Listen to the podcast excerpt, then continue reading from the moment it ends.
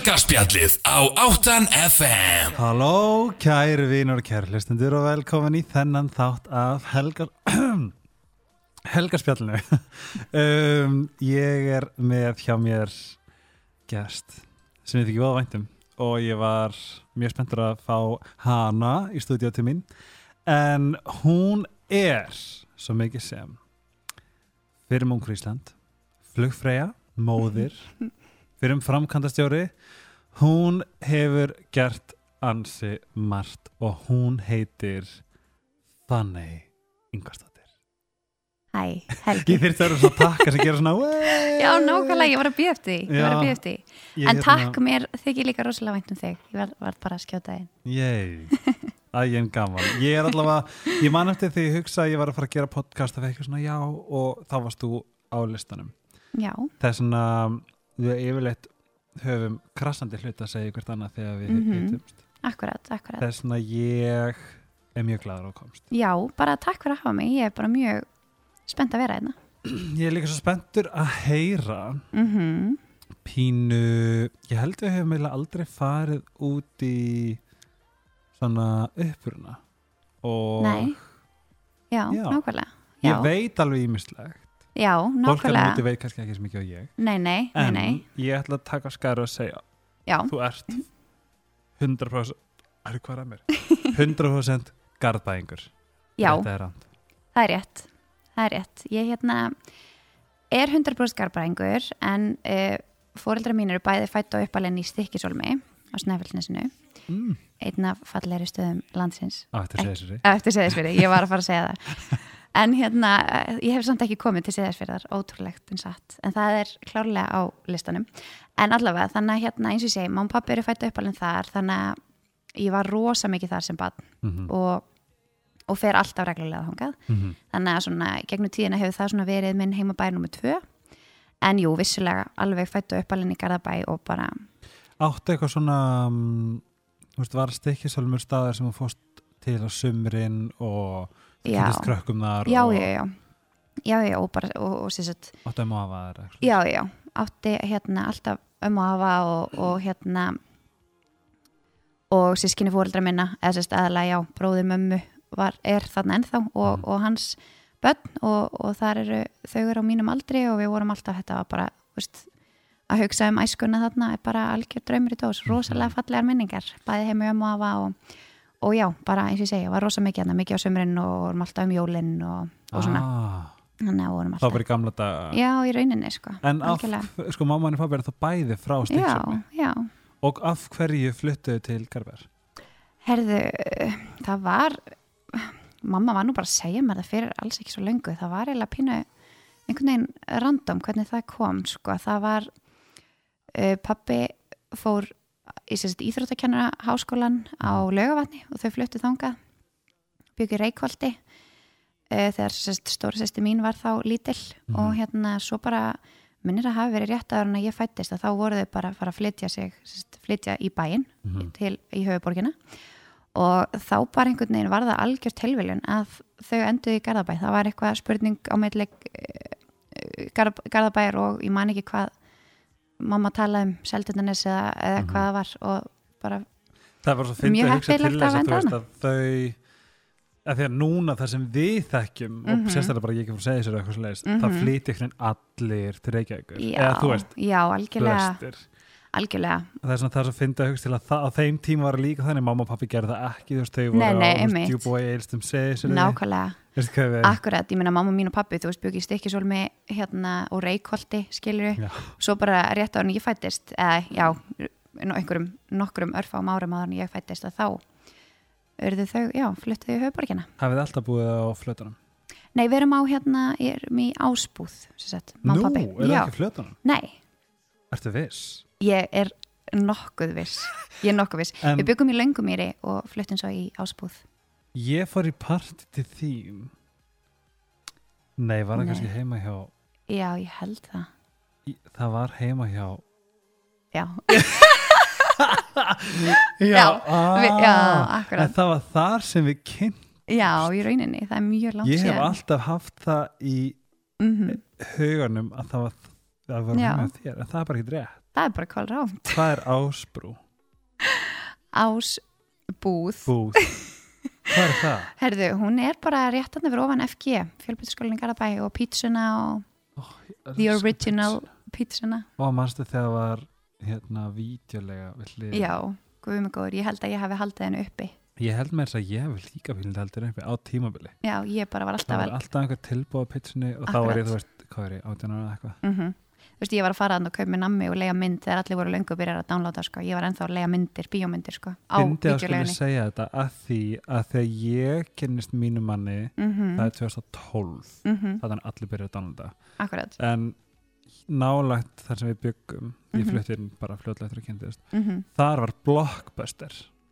Já, og ég held ángríns og við vorum með svona sjómarp sem var með svona DFD inn í því mm sem ég fannst gett cool akkurat, þess að akkurat þá. Já, já, og ég held Mjög að á hverjum örgulega tvísari viku mm. fóru við að legðum og við vorum Já. ennþá að fá rukka, nei hvað Ja, er svona sektir, sektir og eitthvað svona.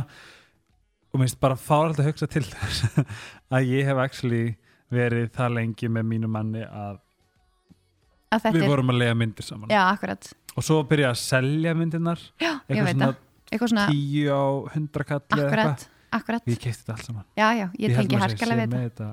Ég tengi harkalega við þetta. Ég leiði senast sko mynd á vítjulegu fyrir svona tveimur og hálf ári og bara, og þú veist, gamla fría með sko, þú veist, ein ný og alltaf gömul frí með. Nei, ég byrlast í alveg Nei, ok, svona kannski þrjú ár En það er ekki meira en það, ég get svo svarað Ég, bara, ég var se- örugglega seinasta manneskjan sem verslaði við bónusvídeó við hliðin á pítsunni í Garðabæ áður en að Ah. hún hætti að ég get svo svarað, þetta er bara mm. mjög fyndið sko.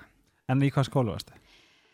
uh, Ég var í Garðaskóla og svo fór ég í Vestló í eitt ár og færði mig svo yfir í FG og Þannig að það var bara- Varstu hvað svona hvað hlutur spilar í mennskóla og svona svona og áttundabæk upp í mennskóla hmm. þú ert mjög, þú veist, ég veit að þú ert með hjartugöllu það er bara eitthvað sem að en þú veist, þú, þú, þú, hlýt, varst, þú hlýtur að hafa verið one of the mean girls Nei, nei, nei, nei, nei. Svona, ég ætla ekki að segja já við því ég, Við vorum klárlega klíka sko. og erum ennþá í dag sko. Mhm. Nei, ég segi svona við, hérna, Ég kynntist mínu vinkonu hópi bara svona mínu nánasta hópi sem að sem er ennþá ennþá þann dag í Dag. í rauninni garðaskóla og margar hverja þekkt ég fyrir þann tíma meira að segja, Mhm. bæði voru með mér í, sagt, í grunnskóla Mhm. og eins hérna voru við saman í handbólta og þar myndust bara þessi sterku tengst og svo Mhm. bara einhvern veginn saminuðustu allar í garðaskóla í sjönda bekk. Mhm. og höfum bara haldið hópin algjörlega síðan þá. Og þetta er bara í dag með nánasti hópur þannig að hérna þú varst, þú settir að snart hérna daginn þegar þessi hópur hittist og amma einnar já, marketar fór að þrjá jú, það er þessi hópur sem við erum að tala um. Það er akkur þessi hópur sem við erum að tala um. Það er það mér finnir talandi um þetta þá voru við að ég Margrét, besta vinkona þín já, á mömmu sem mm ég gerir þátt með. Þóra Margrét Baldursdóttir. Akkurat, fallega íslensk heimili. Já, Mhm. heldur betur. Og hérna við vorum að tala um þær mægur um í rauninni. tals, ég, jú, jú, jú, ég spurði bara hvað er þetta Margréti? já, akkurat, já, já. Og að því ég er alltaf búin að bara síðan ég kom heim eða síðan ég Mhm. kom til Íslands þá er ég búin að ætla að hitta þær tvær. Ég þekki Margréti ekkert þannig en Nei, nei. Við, þegar við hittust erum við ógslag kamma og, já, hefur bara hún mikið af henni frá mömmunar og svona. En þær fóru saman til Vietnam akkurat, og þú veist, nú þekki ég Þóru bara vel eftir, eftir hérna, upptökunar og svoleiðis sem er Mhm. stórkosleg algjörlega. En ég hefði aldrei grunað að hún myndi fara setjast á okkar skýtut móti hjól. Í miðju Ho Chi Minh City í Vietnam nei, og nákvæmlega. en svo heitti við svo fyndi, vorum að keira á. Bröðakó mm og við- ég var um þetta bara að deila með hvað mér lakkaði geðveikt til að hitta þær og fá að heyra meira og, og fá að bara, þú veist, fá verið kringu þær. Þegar já, við löpum inn í Bröðukó og fyrsta manneskjan sem við hittum er sem sagt mammina Þóru og ammenar möggu bestu vinkonu minnar. Það var fárunlega Mér fyndin finnst bara að fyndi þess tilviljun. að tala þetta núna, sjúklega þetta akkurat. þetta var áðan. ofindið sko, þetta var ofindið og hún var bara alveg svo þóra mér. já, þær bara þær þrjár eru svo magnaðar sko, og ég var bara út bara tíu sem glæðar en ég var. Já, það var algjörlega þannig. Ég minna, þú veist, eins og ég segði við þig í dag bara hver á svona ógeðslega mikla töffara ömmu skilur, hún er svo skemmtileg. Bara, svo skemmt og líka þegar hún sagði skemmtileg. "Jú, það eru svo miklu prakkarar. Já, það eru svo miklu pakkar eins og ég. Hún sagði það líka. Það að er svona, ég vona, ég vona eiginlega bara að vera, vera til að koma í þáttina já, það var bara örgulega hrigalega skemmtilegt. Það er mjög mikið skemmtilegt til það líka bara þetta, ég meitt, þú veist hver fyrir með mömmu sinni í heimsreisu þú veist, það er bara eðskilum með að við hvað það er. Þú veist, það eru allir vinkonihópar og vinahópar að fara saman í heimsreisu. Þær skelltu sér bara í Mér eina fannst slíka þetta og það er svo sjúklega flott hjá sko, þær skemmtu sér svo vel, sko. Þetta veitir mér samt mjög mikið innblástur. Ég er að segja það, af þetta er bara að geggja ég og mamma erum að skipa Asju ok, Haustið 2019 geðvegt Henni langa, hefur alltaf langt til að sjá þarna þú veist, Angkor Wat og já, þú ert náttúrulega bara eins og innfættar hann búin að fara svo Algjörlega. mikið ég, var, ég segi alltaf, ég var tælenskur prins í fyrra lífi allt. já, ég get alveg trúið þess vegna er ég með alls konar þess vegna er lífið svona vel með skarkripi og svona. Já, frá sæn, eða sig. Við vorum ekki að flekka Nei, hérna En, ok, þú Þú sagði mér þetta bara Já, um daginn. Þú, sem sagt, þú ert skátuð í á einhverju tískusýning á konukvöldi af já, alveg rétt, heyrðu já. Ég er hérna af heiðari snirti mm, og þú ert hvað gömul þetta um, þarna er ég, þetta var Er þetta árið áður. Já, þarna hef ég verið sko 18 ára. Mm, nýjárn 18 ára, þá var sem sagt var ég á fullu í handbóltanum mm, og ég, við sem sagt meistaraflokkurinn vorum fengnar í það að sína á tískusýningu á konu kvöldi eða kvennakvöldi Garðabæjar. Mm. Bara í stjörnuheimilinu, bara voðalega heimilslegt og kósi og alltaf voðalega skemmtilegt. En hérna oft er það þannig að meistarflokkarnir taka einhvern þátt í svona, hvort sem sé fjárablöna eða hvernig sem það er eða bara þú veist, já, Mhm. bara og hérna og gaman. Og við vorum að sína þarna fyrir í manninginu fyrir hverja nema hvað tísku já, sé exakt í skúsi ég man ekki, ég held að það verið Ilse Jakobsen eða eitthvað. Sennlega manna ekki. Mhm. Allavega, hérna, og heiða snirtir er sem sagt uh, veislustjóri að með minnir. Hann var allavega með eitthvað atrið. Mhm. Hann var eitthvað, eitthvað að gera og greið hana. Hann sem sagt uh, segir við mig bara í, í, í rauninni þegar tískusýningin er, er uh, yfirstæðin, þá segir hann við mig, heyrðu, hvað heitir þú? Heyrðu, ég, hérna, mér veist að þú er að ta- taka þátt í Ungru Reykjavík. Og hérna, þannig í rauninni, sem sagt, byrjaði þetta og ég náttúrulega bara hló framann í mannin og bara glætan, þú veist, Mm. ekki fræðilegur. Er þetta 2012? Getur það ekki verið? Nei, heyrðu, þetta er 2009, takk Er þetta 2009? Já, þetta er 2009, ég tek síðan Mm. þátt 2010. Þannig að hérna, þetta var einhvern tíma rétt fyrir jólinn. Svo bara heyri ég ekkert meir og bara, þú veist, var ekkert að spá í þessu. Getur ekki verið að þú var, varst, með, varst með Elin Kristjáns? Já. Já, hún var Já. þetta í þættinum. Veit, ég veit ekki hvort að þátturinn sé komin út núna Nei, eða ok. hvort hann kemur eftir en já, hún, ok, hún var hjá þetta, við vorum einmitt að segja ég sagði, býti hver vann aftur? Já, Fanny, og ég bara, ó, alveg ég var í salnum sko Ok, fyndið. já, en, já, ógeðslega fyrir ekki fyndið. Nei, guð, ekki málið.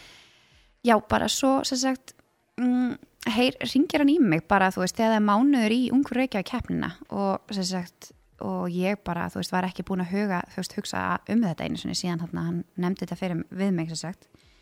En svo bara, þú veist, eins og ég segi, tók það með mig ansi langan tíma að, um, að, sagt, að hugsa mig um hvort þetta væri eitthvað sem að ég var náttúrulega algjörlega anti, þú veist, ég var enga veginn þessi típa, típa og bara og bara Tomboy. eins og ég segi þvert á móti, sko og hérna, nema hvað, svo uh, ákvað ég að slá til og, en var samt voðalega mikið með hugan við eitthvað annað, fannst einhvern veginn á, í þessari ungru Reykjavík keppni sem, sem var haldin á Broadway. Uh, ég var bara fullu í handbóltanum var Mhm. hérna að keppa til byggarúslita í lögatushöllinni með flokknum mínum bara nokkrum dögum fyrir, fyrir keppni. Og hérna og bara eins og ég segi, var voðalega mikið með hugan annar staðar og það skein rosalega mikið í gegn en það, þú veist, ég lendi ekki sætið en eitt í ungur Reykjavík, sko. Nú er það ekki? Nei, svo og þú veist eins og ég segi, ég bara einhvern veginn var bara ekki á staðanum, maður þarf maður þarf að vera all-in í Já, þessu já. til þess að, þú veist, ætlar eitthvað. Ég var Já, bara eitthvað já. svona, þú veist, eins og, eins og bara til dæmis heiðar sagði við mig, bara það sást á mér á sviðinu að ég væri bara, mér leiði ekki vel aðna, þú veist, já, ég var einhvern veginn ekki, þú veist, mér leið vel, skilur, en mér leið bara eins og ég ætti ekki að vera þarna, skilur, Já. það var ekki spurningum, þú veist, eitthvað eitthva annað en það, það var bara það, þú veist, ég var bara þetta er bara ekki alveg ég, skilur en nema hvað, svo uh, kom Ungur Ísland eitthvað tveimur, þreim mánuðum síðar og mér var búið að taka þátt í því og þá var ég mitt bara svona, uff, heyrðu þú veist, og þá fekk ég mitt þetta bara fannig, þú veist, eða þú ætlar að gera þetta, þú veist, Hvernig Bara- kom bóðið sér eftir Reykjavík? hvað sér ég, þú veist, bóðið Reykjavík- um já. að taka áfram þátt um, ég manna ekki Er það tveir mánuður? já, sirka, Já, ok. sirka bát En ein spurning, þarf maður, lí, sko, ekki pínlítið að vera pínu keppnis til þess að taka þátt í, þarf maður ekki að vera hafa pínu the eye on the Jú. prize? Það er 100% þannig, það þýðir ekkit að vera eitthvað hlétræg og vera bara eitthvað hæ, ég á ekki alveg að vera einna, þú veist, maður þarf að vera all-in, skilju, Mhm. það er bara þannig. Og, og þú veist og bara til hvers að vera að þessu líka eða þér finnst þú ekki eiga heima þarna, Mhm. skilju, það er svolítið það. Og þetta er náttúrulega bara hugafar, fattar Mhm. þú veist, eins og þarna var ég bara full í handboltanum og var bara, guð, þú veist, þetta er ekki ég. Og var bara allir marblettum eftir leikin í gær, skilju, á leiðin og svið á morgun og brottveig, skilju, bara eins og ég segi, en svo var ungfrú hérna Ísland, það var hann einhvern tímann í lokum mæ og þá var tímabili nýja við staðið í handboltanum og það var einmitt mjög magnað því að við erum byggar Íslands og deildamistar hérna, með flokkum mínum stjörnni? Já. Nei, Með var stjörnan. mm áfram stjarnan e, það var ógislega gaman, þannig að þetta var mjög skemmtilegt og svo ákvað ég bara að, að taka þátt í ungfrú Ísland með aðeins öðru sér hugafar og það gekk þú veist, bara miklu betur Mhm. En þá, nú þarna var, þú ert augljóslega þá keppnis manneskja, ég Já. meina þarna ertu nýbúin að vinna akkurat sko. Íslandsmeistar Já, til, tókst ekki bara, þurfti ekki bara að beina ork, orkunni í þá að keppta, keppa ykkur öðru? jú, algjörlega. Ég, þú veist, ekki spurning sko. En líka bara, þú veist, ég þurfti bara svona aðeins að læra inn á þetta eins og þannig umhverju Reykjavík. Ég var bara einhvern veginn bara þú veist, það kom mér svo í opna skjöldu Mhm. að þú veist, hann væri bara eitthvað, heyrðu, þú átt heimi umhverju Reykjavík? Ég var bara, what, nei, eða skilu Bara mér fannst það bara, ne, bara aldrei lífinu, sko. Ó. þú veist, bara svo sannarlega ekki en stundum þarf líka bara einhver annar að koma að til að, þú veist segja manni, skilur, hvað að þegar það í mínu starfi upp á hjá Elite þá er ég alltaf að hérna já, nákvæmlega, vinna við þetta að skáta, akkurat og það er, og við, það, þetta er bara þekkt innan bransans Mhm. að þeir sem búast sem minn, þú veist, eiginlega allar stjörnunar Mhm. sem að við þekkjum já, já, þetta eru bara flestar mm hafa þeir verið bara, þú veist, það er potað í öxlaðum og það er bara, nei. Nei, ég ég meina bara svo krakkarnir sem að, stærsti krakkarnir sem ég hef mm unni með ég man bara svona alveg ég meina svo Nína sem er bara miljónumæringur í dag -hmm. hún var bara ég man hún sagði fyrst til mig hitt hann í Metro hún Mhm. var, þetta var fyrsta djamminar já, ok, fyrst, fyrst, fyrst getið full 15 Já. ára. ok. Og hérna hún sagði ég, Glætan. ég geti aldrei verið móti og Já. var bara svona Mm akkurat. En séðan í dag og þetta eru krakkarnir ég er að segja það, við erum alltaf að tala um þetta bara. Kra- allir sem segja, veitu, hæ ég og þessi krakkar sem við höfum fundið og unni með og, og svona þau sem bara allt í einu við erum að presenta eitthvað nýtt fyrir mm ég vil eitthvað þeim sem gengur best. Já, já, algjörlega, þú veist eins og heiðar þú veist, segir ennþá þess að sög í dag sko, þetta er náttúrulega skemmtilegt ef maður Mhm. spáir í því, þú veist. Að því að svo bara breyttist einhvern veginn allt svolítið mikið í kjálfæra þessu eða þú veist, í rauninni hvernig var hún krú Ísland? mér fannst þetta hrigalega skemmtilegt og, og eins og ég hef sagt áður þú veist, eins og í dag, ég menna ég var náttúrulega rosa ungarna, Mm -hmm. vissulega og hefði eflaust kannski vilja vera kannski tveimur árum eldri Mm -hmm. e, bara upp á að þú veist vera svona aðeins búin að læra inn á sjálfa mig og þú veist maður þekkir sjálfa sig kannski ekki eitthvað rosalega vel á þessum aldri, maður er svona eftir að mótast betur og þroskast og, svona ég finn svo 19 að varst ekki að djama og mm, mm, reykja og Nei, aldrei reykt, aldrei reykt. Já, skilir þið, ég man bara þessum að það var ég sem viltastur Akkurat, nei, þú veist vissulega gerði maður það sjálfsögðu. Já. en þú veist maður var náttúrulega eins og ég segja á fullu í handbóltanum þannig Já, að já, það er já. svona náttúrulega ákveð kannski sem heldur manni frá því að vera stöðugt í því en, en jú, guð, ég, við fórum alveg og, út að skemmt okkur vinkonunnar sko, ekki spurning. En hérna, en þú vinnur já þannig kom það, það bara eins og Og segi hugafarsbreyting og vera aðeins meira bara, heyrðu, ég, veist er hérna til að vera einn að njóta mín og hafa gaman og bara actually taka þátt, skilur og þá bara skilaði það mér þessu. Hvernig var það að vinna? ég náttúrulega bara bjóst engan veginn við því sko, minn var ekki þarna var annað þriðja? Jú, Jú. Hver var í öðru að þriðja? uh, já, Íris Telma var í öðru sæti. Uh, og Íris Björk í því Já, þriða hún, já það er rétt. Já, Ég var ung fyrir Reykjavík. Ég var ung fyrir Reykjavík og hún vann það. Já akkurat, akkurat. Mm. algjörlega, þannig að hérna þannig að já, þú veist, og bara þá var eins og ég segi, bara allt annað hugafar og allt annað einhvern veginn að, þú veist, það var ekki hægt að horfa á mig á sviðinu og bara já, heyrðu, þú veist, hún er ekki njóta sín. þetta, já. þú veist, það er svona alltaf, eins og ég segi, hugafarsbreytingin bara, þú veist, af Mhm. hverju var ég að þessu? Ef ég nennu ekki, skilu, þá bara slepp ég þessu frekar þannig að, þetta var hrikalega gaman, ótrúlega skemmtileg tími skemmtilega stelpa sem ég kynntist og eina þeim, þú veist, ein, já, eina bara rosagóða vinkon í dag sem að ég kyn, kynnist sérst í rauninni þarna. Hver er það? Sigriður Artfjörð heitir hún. Sigriður Arnfjörð. Það með líður að ég ætti að vita hver er þetta Instagram. Já, alveg pottitt, sko, alveg en maður er, er- er búin að rekast á alla á Instagram. Já, líka bara, ég, þú veist, ég man þetta er ríkalegt ég, Já, ég man ekkert.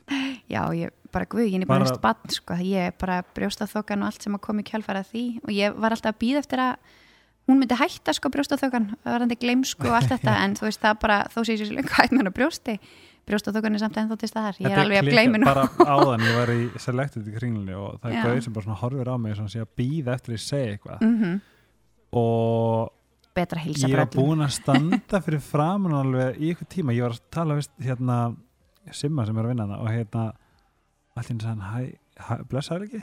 Já. og ég var svona, sí, oh my ég God. veit ekki Mhm. og þá er þetta strákur sem ég fitt Já. og Já. bara örgulega spjalla við já, já, En- akkurat, þú veist, ég er bara, bara svona genuinely bara myndir ekki ekkert nákvæmlega, þú veist, þetta er þetta er orðið alveg svona en það sem ég sagði, þú veist, líka bara þú veist, það skipt, þú veist, það þýr hitt annað að segja bara, herri, ég, ég bara ég er svo ótrúlega ómannglöggur ég ég ég veit það, svoleiðis er það líka bara sömur veist. þannig, ég menna fólk er þú veist, bæði ómannglegt og eins, þú veist, mm man ekki nöfn og tengir ekki vandlit og þú veist, það er þannig? Já, þú veist, ég er rosa gleimin sko, mér veist ég að vera rosa gleimin. Og maður er mitt svona þarf ofta að sjá andlit sko, ég er mjög gleimin með nöfn líka en þú veist, ó, já, við tölum eins og þessum hundra ára. Nei, alveg nei, En bara, veist, er ef ég bara. heyra einhverju með Alzheimer, ekki, ég er ekki að gera lítið úr þessu en ég er að segja bara oft fæ ég bara veistu, ég held ég viti hvað ég held ég viti hvað það er. Já, Já. já, það eru ótrúlega hlutir sem maður gleymir sem maður ætti ekki að gleyma. Ég elska Já. að þú ert hérna hóstand og ég er eitthvað að ég veit ekki sem hvað er að gera. Nei, nei, Borða ég er bara, við erum í rugglinni hérna við erum í rugglinni hérna. Að hérna, segðu mér, En- eftir Ungfrú Ísland mm Já, þú færði um Miss World. Já, hvað er það? það var haldið í Kína. Kína? það var haldið í sem sagt um, á eigu í sem sagt söður Kína hafi í rauninni. Sem sagt fyrir, þetta er oft svona kölluð Hawaii eiga Kína, þetta er svona svolítið Hawaii stemmingarna, reikalega skemmtileg upplifin að koma að hún heitir Hænan og borgin heitir Sanja þar var sérst keppnin haldin en við vorum hana í fimm vekur þannig að við geggjað já, sjúklega og bara eftir að hyggja náttúrulega bara, þú veist, trillta og ég, það var líka bara svo á, mikil áskonum fyrir sjálfa mig, þú veist, ég hef Mhm. alltaf verið bara svona mús og lítil í mér og ekki þóran einu skilur, Mhm. þú veist, og ég bara fór það 19 ára gömul frá mömmu og pappa og þú veist, ég bara kvattist, þú veist, ég fór stundum að skæla að kveða mömmu og pappa þegar þau voru að vera í hólminn eina helgi, skilur, tvo tími burtu. Þú veist, og ég bara, oh my god og pappi að fara, þú veist, ég er bara veist, þetta var bara ókslega þroskandi fyrir mig líka og þau til Kína? þau komu, já, sem sé tíu dagana já, Vá. gaman en hérna fekk ekki það, þú veist, eða neitt brjálegum tíma, mi- miklum brjálegum tíma með þeim sko, og bara þvert á móti í rauninni við hittu þau svona á og til, en svo náttúrulega bara en bara- já, en bara dásalegt að fá sjá vinaleg og já, dásamlega andlit og fá Mhm. smá knús, mömmu knús og pappa knús en hérna, en já, ég fór þangað við flugum sérst til Peking og, og gerðum bara, en, þú veist, ótrúlega mikið fórum náttúrulega sko að Kínamúrin og, og bara allt þetta helsta. Fórum til Mongolíu og alvörunni? Shanghai, eittum alveg fimm dögum í Shanghai að sex dögum, sáum bara allt það helsta. Guðdómlega bara eftirminnilegt og dásamlega upplöðin sko. Og hérna vissulega saknaði ég náttúrulega sjúklega mikið heim og var ekki mm. í fyrsta skipti eitthvað að fljúa eini yfir halvan nöttin og eitthvað, þú veist, sem var bara þú veist, ætla, mamma ætla ekki að trúa að ég var að fara að gera þetta sko en hún var náttúrulega bara þorði ekki enn að sína stöðning sko. Mm. að þetta var svo ótrúlega ekki, ekki en eins og ég segi, þetta var bara ótrúlega þroskandi og bara reikalega skemmtilega upplöðun en, en á sama tíma, þú veist þarna fann ég svolítið aftur skilur mér fannst pínlítið eins og þú veist, sérstaklega þarna þú veist, maður þarf svolítið að vera með klærnar úti skilur til þess að Ah. láta á þér bera þú veist, það, það þýðir ekkit að vera eitthvað æ, herri, ég er bara góðinn in the back skilur maður þarf að vera bara það að vera að taka mynd þú bara, þú veist, þú verður að koma bara fremst á myndina skilur til þess að, þú veist, ég menna þetta er 130 stelpur eða 140 stelpur skilur Ég þú veist, þetta er bara svolítið, svo er að þetta vera bara- í hóp með bara þú sér bara kultúr svona, jú, þú veist, ég finn cultural difference frá Íslandi og fucking Danmörk akkurat sko, ég veit það, I know. Þú veist að sjá bara andlit frá hverju einasta landi í rauninni, þú veist, er bara ótrúlega magnað sko. Og bara einmitt hvernig það er svona og við erum bara, Þeirra- já, upplifun og algjörlega. Þú veist, ekkert smá, þú veist, bara ég átti eina ótrúlega góða vinkonu sem að var með mér í þessu ferli og við vorum voða mikið saman hún frá Indonésiu, þú veist mér varst bara ótrúlega magnað hvað við áttum sjúklega ólíkan uppruna og Mhm. bara vorum algjörlega svart og hvít. Þú veist, í einu öllu bara siðum og menningu og trú og, og Já, bara hvað þykir, þú veist, trú náttúrulega sérstaklega eins og fyrir hana, skiljum maður var alveg bara, þú veist, maður magnað að hlusta á hana því manni, þú veist, manni fannst þetta svo ótrúlegt. En á sama tíma náði ég hvað mestu sambandi við hana af öllum, eða skilju tengingu og bara vinskap í rauninni. Þú. Ég veist, þetta er bara að ótrúlega sko- magnað maður lærir sjúkla á þessu. Ég er nefnilega ekki- er alveg sammála, ég fór sér til Kína að vinna fyrir Elite Alveg rétt. International. Akkurat, og það var saman, við vorum með krakka frá öllum löndum. Mhm. ég man að strákum frá Georgíu var ógeðslega erfiður. Mm og veist, hann bara ekki eins mikla virðingu til dæmis fyrir konum. Já, hann var ekki tilbúin að taka samkynniði sátt nei, og en svo að hafa verið saman og hann var partur af öllu og einhvern veginn varð pínu berskjaldur að fara út úr sínu konversani, mm. -hmm. glemur sér bara aldrei þetta er bara nei, nei, eitt dæmi. Akkurat. Og, þeir, og ég var, ég var sérst, hans chaperón sem þegar ég var já, að þú veist, ég fór yfir alltaf kvöldin þú veist, vaktar á mótan að passa alltaf í Mhm. orðin og svona. Akkurat. Og það, það gerðist hlutur hér og þar sem ég þurfti að tala við strákana, ég þurfti að þú veist staffið, að, þú veist, bara, ég þurfti bara að gera ímislegt bara beita á ákveðinu salfræð og þessist á þau og bara, Mhm. bara vera góður svona leiðbyrjandi akkurat, og svo eftir þessar tvær vikur þau eru rúmlega tvær vikur, Mhm. þrjár um, eini strákurinn sem að greti höndanum að af því að hann bara uh, bara brotna niður já, var hann, var hann já, strákurinn sem mætti bara að hann var tilbúin Já. að berjast bara blóðsviti tár bara. Já og það, var svo, það var svolítið sérst þetta því að þarna Mhm. var ég bara búin að tala hann. Ég var ekki búin að gera neitt ég var Nei, ekki búin að ég var, jú, ég, veist, ég tók hann hans teppi en ekkert eitthvað þannig. Akkurat, en hann bara fattaði að Mhm. hans raunveruleiki að það er svo margt veist, það er svo Já, já. margt annað að bakveða akkurat. Það er svona, nei það er svo margt er- annað en skilur hans raunveruleiki. Algjörlega, það er svona, algjörlega. það voru litið sérstætt og ég meina þú veist bara svo nýgurja Já. stelpan frá nýgurju undir Majóa og hún síndi mér hérna hún síndi mér heimileinar Já. myndir Já.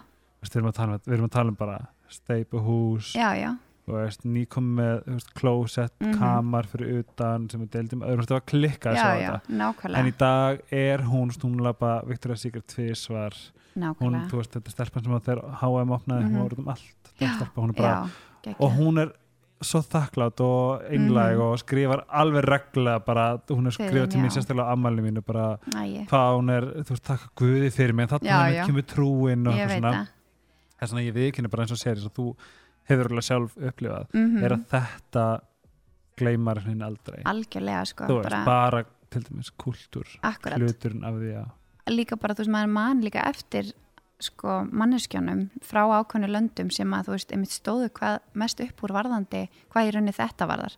Eins og því hún nefnir Nígari, þú veist, stelpan sem var með mér úti, sem var frá Nígari þú veist, ég man að hún hafði ótrúlega mikið að mögnum hlutum að segja, þú veist. Hún var bara í fyrsta skipti að fara út úr landinu sínu, skilju, þegar hún kom til Kína að hitta okkur þar, skilju hún hefði bara ekki stíði fæti og, veist, og ég mitt hugsaði bara, en þú veist en hérna hefur ekki bara keirst til hinnalandana, þú veist, í kringum að því að þetta er bara landamæri, eða þú veist, það eru fullt af löndum alls þær í kring og hún bara eitthvað, þú veist bara, ég minna, þú veist, það myndi taka mig þrjá daga, skilju, algjörlega. Þú veist, maður bara eitthvað, já, þú veist, auðvitað, hvernig það ég, skilju, það sjálfsög sem að við gerum veist- okkur ekki grein fyrir hvað, það er hversu stóra Afrika er. Ég veit það, Shit. akkurat, svakalegt, sko. En þetta er bara svo ótrúlega magnað maður læri svo sjúklega á þessu og þú veist, og bara og hvað gerðist í Miss World? herði, það bara, þú veist eins og ég segi, bara mega mikil upplifun og, Mhm. og bara þroskandi fyrir mig sérstaklega, þú veist, en eins og ég segi ég, þú veist, eftir á hyggja hefði maður náttúrulega þurft að vera tölvöld meira all in í Mm, þessu, ef já, maður já, ætlaði sér eitthvað meira, skilju en, en, þú veist ég var bara þakklátt fyrir ferðalægið og upplifelsið Mhm. og bara tækifærin að því að, að því að mér böðust rosa mörg og flott hérna tækifæri kjölfærið af þessu í rauninni sérst, ári setna var mér búið að fara til Indlands í sjálfbáðlega starf. Mhm. að sérst, vinna með fyrirtæki sem heitir Healthy Kids, Happy Kids. Mhm. og hérna og ég fór aftur einmitt einu yfir hafið og, og hérna til Indlands, já, og ferðaðist gríðarlega mikið um Indland, ég fó- fór alveg til 10-12 borga og margra svona ólíkra þorpa og var að hitta bara hérna það var náttúrulega skelfilegt skilu, þetta er náttúrulega ekkert ég tala ekkert um þetta sem einhverja snild af því að þetta var náttúrulega bara ólýsanlega átakanlegt að verða vitni af þessu, þú veist, það vita allir af því að sé fátækt í heiminum og fólk býr við misjafnar aðstæður og allt þetta en að sjá það svona með berum augum og sjá og vera að tala við fólki sem að er að fæðast í þessum aðstæðum og er að þjást svona svakalega skilur, ég menna, ég menna eini þú veist, ég bara ofta tíðum fór bara að skæla skilur og þú veist, þau- og börnin voru bara, are you okay?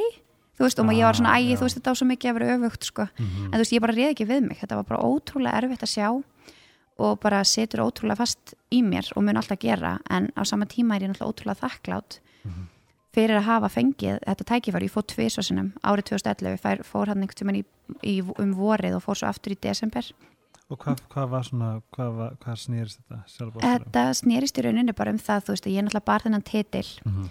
og eins ómerkilegur og hann þykir kannski hérna heima og bara mér, þú veist, mér þóttu þetta ekkert skilur. En ég menna út í Indlandi er stúlkan sem vinnur bara sérst, Miss India skilur, ungrú, ungrú Indland, hún er bara gegnir risastóru hlutverki, hún verður bara fræg í því landi og bara öllum þykir þetta magnað þar, þannig að þú veist fyrir fólki í Indlandi er það að bera þennan titil bara, þú veist, ótrúlegt skilur, þeim finnst við mögnuð og að ég sé að koma yfir hálfan hnöttin til að hitta þau mm. Mhm. þau voru búin að býða eftir þessi marga, marga daga margar vikur, af því þau vissu að við varum að koma og bara þú veist, við komum þarna bara með borðana og þú veist, vorum náttúrulega bara ótrúlega ólík þeim bæði útliti og öllu skilur bara gáum okkur tíma, færðum þeim veist, vatn að drekka, færðum þeim bánsa færðum þeim mat, voru, þú veist, vorum að gera náttúrulega að gefa þeim ímsar gjafir og svona Mhm.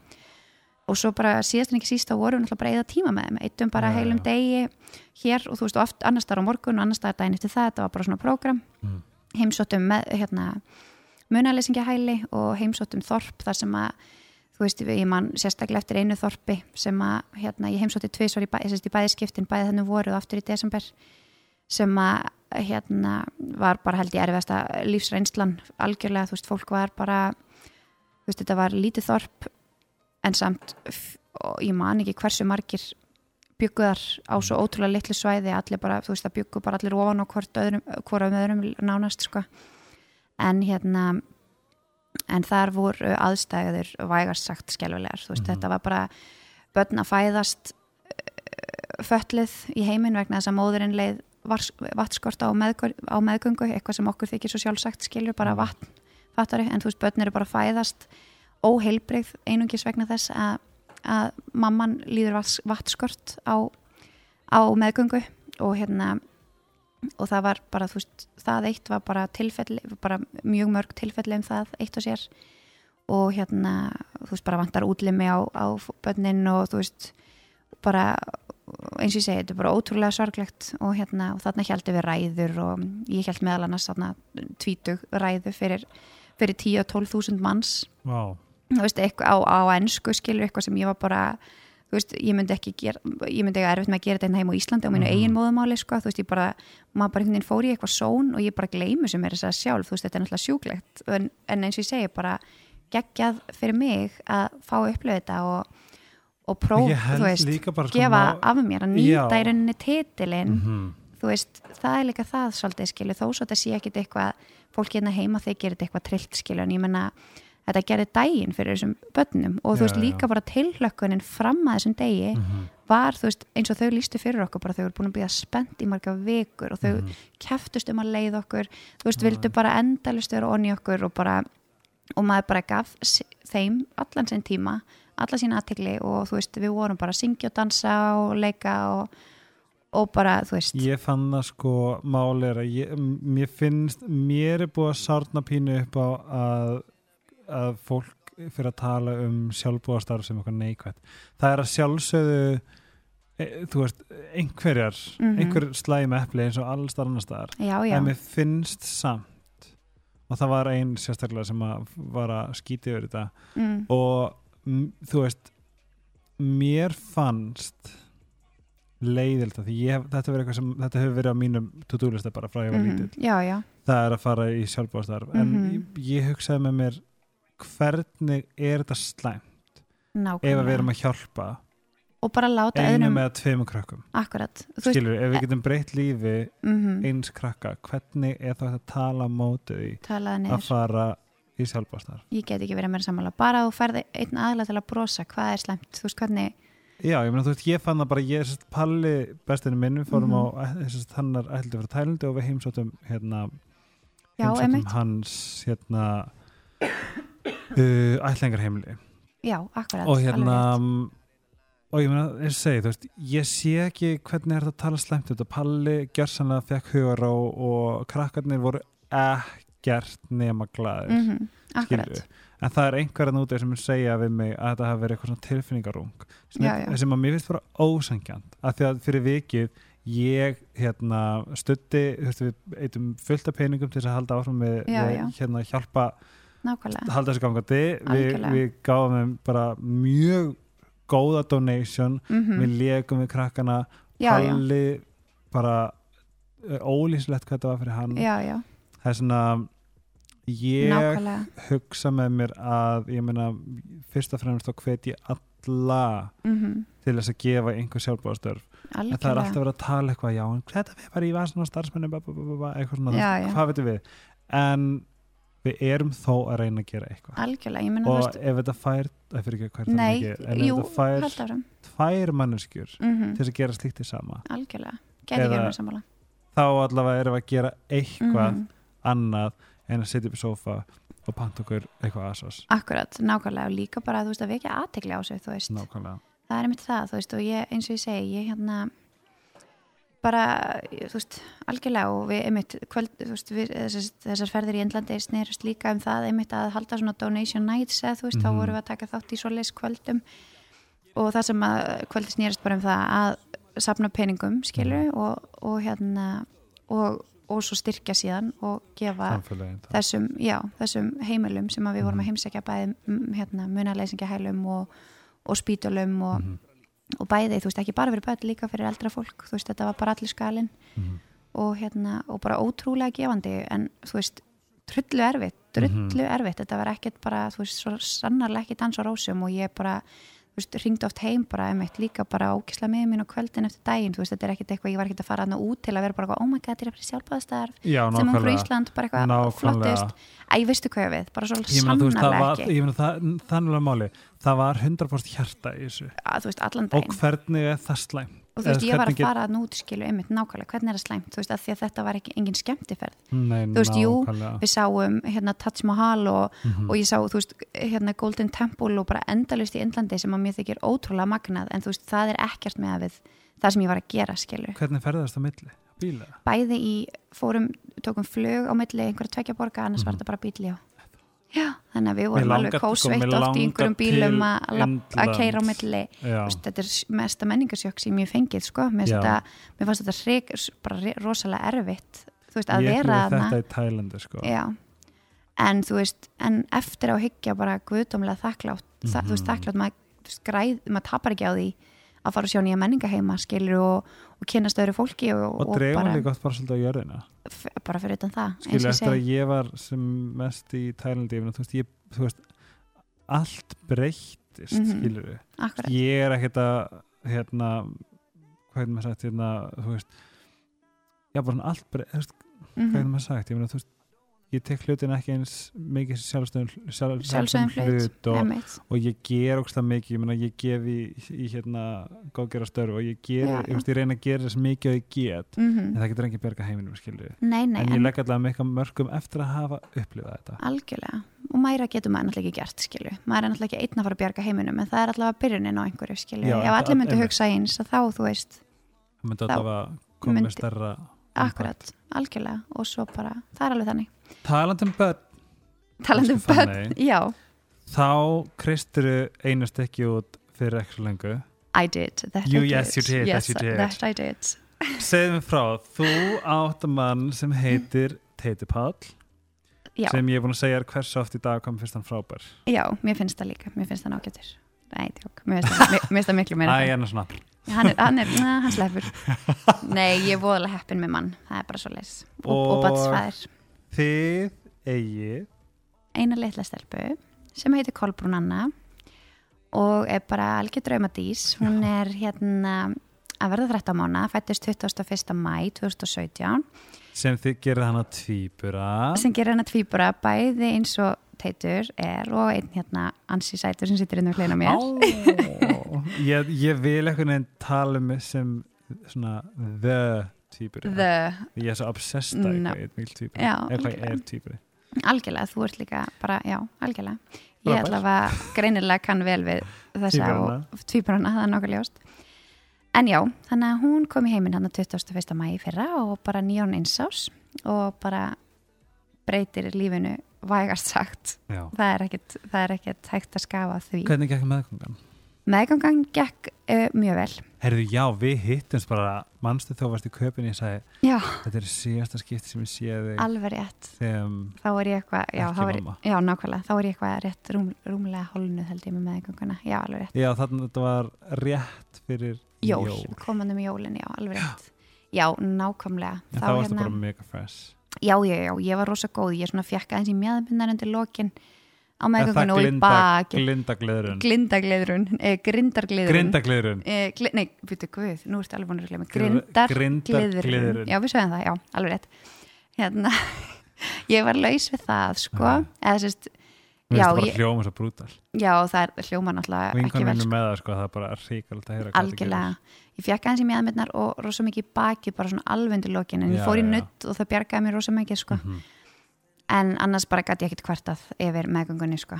svo sem ég var svona náttúrulega aðeins svona pínu óglætt þarna fyrstu tólveikurnar og sérstaklega því ég var að fljúa með það náttúrulega er Og ekkert eitthvað guppaður í póka og einu klósetti Nei, ég gerði það nú svo sem ekki, sem betur fyrr Hvar guppaður? Ég guppaði bara uh, ekki neitt sko, stundum langaði mig actually að gera það, að því mér var það óglætt en ég náði aldrei til að aðtöða hvort að mér myndi líða betur, já, þú veist.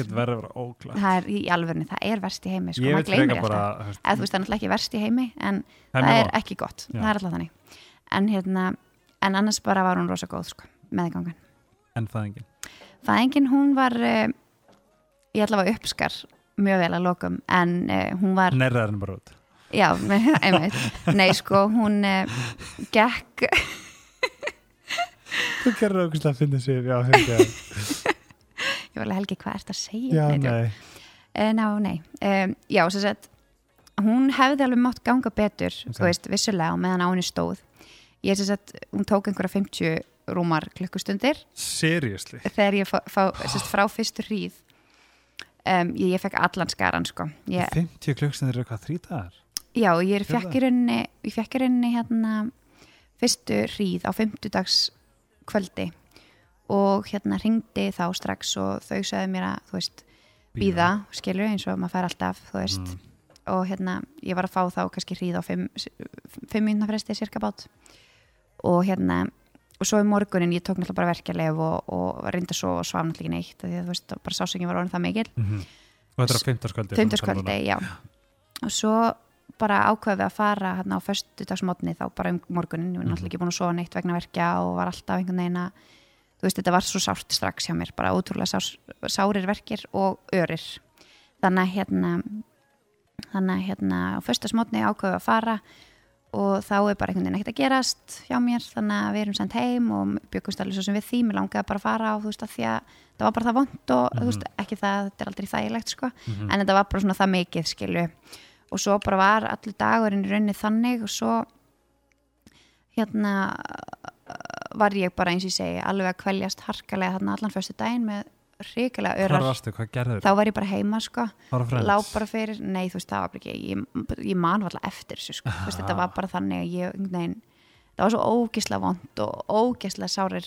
Veist, ég var að fá hríðar þarna bara á tveggja mínna fresti skilur og stóði yfir í bara, ég man ekki mínútu skilur, þú veist sem er bara veist, þegar bara, það er bara kortir í fæðingu skilur, þú veist þetta var alveg þannig hvernig snemma. það hann var, byrju, hvernig hann var bara, þú veist, hérna bara, þú veist, eins mikill stuðningur og hægt var, sko. Ég menna, þú veist, þetta er náttúrulega bara ég held að, þú veist, flesti karlmenn sem uppleiti sérstaklega í fyrsta skipti, þú veist, þeir vita svo voðalega lítið hvað Já, geta gert, skilur, þú veist, þetta er svona bara hvað, geti gert fyrir þig en þú veist, það bara- er voða ég er bara lítið að tala sko. fyrir höndur og alltaf kalla maður núna skilji, veist, það er svo skrítið að hugsa því að maður Mhm. veit heldur ekkert hvers konar sásöki nei, nei, í raunin ekki sko. Nema þegar þú sérð bara allt í einu að konan er, þú veist gjössanlega literally að að láta lífið nánast af var- sökum verkja en já, svo að þess ná. að allir föstudagurinn fer í þetta. Já, svo er ég lögð í rauninni inn eh, þú veist, innan gæsalapa, Mhm. bara á föstaskvöldinu bara um kvöldi, þú veist, þá var enn ekkert að gerast hjá mér. En En- þú veist, það er einmitt málið, sko, þú veist, ég var bara náttúrulega ekki búin að sofa sínum 15. kvölda því ég var bara búin að vera með hríðar, Já.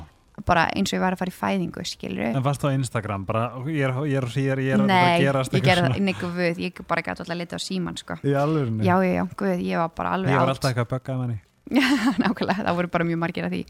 Að því ég var líka bara, þarna væri bara ok ég, þetta er að fara að gerast, já. og hérna og þarna náttúrulega bjóst ég bara við því sko. Svo, þú veist, fór ég að inn á föstaskvöldinu og fekk bara morfin í æð og, og fekk í rauninni lif sem að til að draga úr hríðum að þeir voru það miklar með við hvað var lítið að frétta sko. Yeah. þannig hérna, svo lögadags hvernig var morfinu?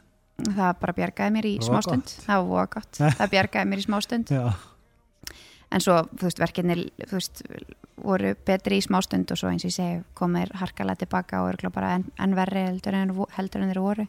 Þannig að strax þannig að lögat smotninum þá var bara, heyrði fannig mín, þú veist, þú ert bara mjög óheppin með þetta, þú veist, þetta bara, það er einhvern veginn voðalega lítið að gerast og, og hérna, ég bara eiginlega mæli með því og fá þér mænudegingu bara svo þú getur hvernig varst kvílst skapinu þarna? nú ertu, ertu ekki með frekar mikið jafnægi Jú, ég er voða geðu góð, sko. Já. ég er með mjög mikið jafnægið hvernig, ég séð ekki þú veist, ég, ég get ímyndum að ég var hann hefi pist þarna. Já, ég var bara, þú veist, vissulega, þú veist, maður einhvern veginn heldur líka alltaf, þú veist, það var alltaf sagt bara, já, þetta fyrir alveg að fara að gerast, þetta er alveg að fara að gerast, þetta er alveg að fara að gerast. já, Ég hérna, það var bara svo sannarlega ekki, sko, það var bara, ég meina hún, já, eins og ég segi, ég fekk mænudengu hérna á, mánu, á lögadeginu fyrir ekki, og hérna, og já, þannig að hérna, ég fekk mænudengu hérna á lögadeginum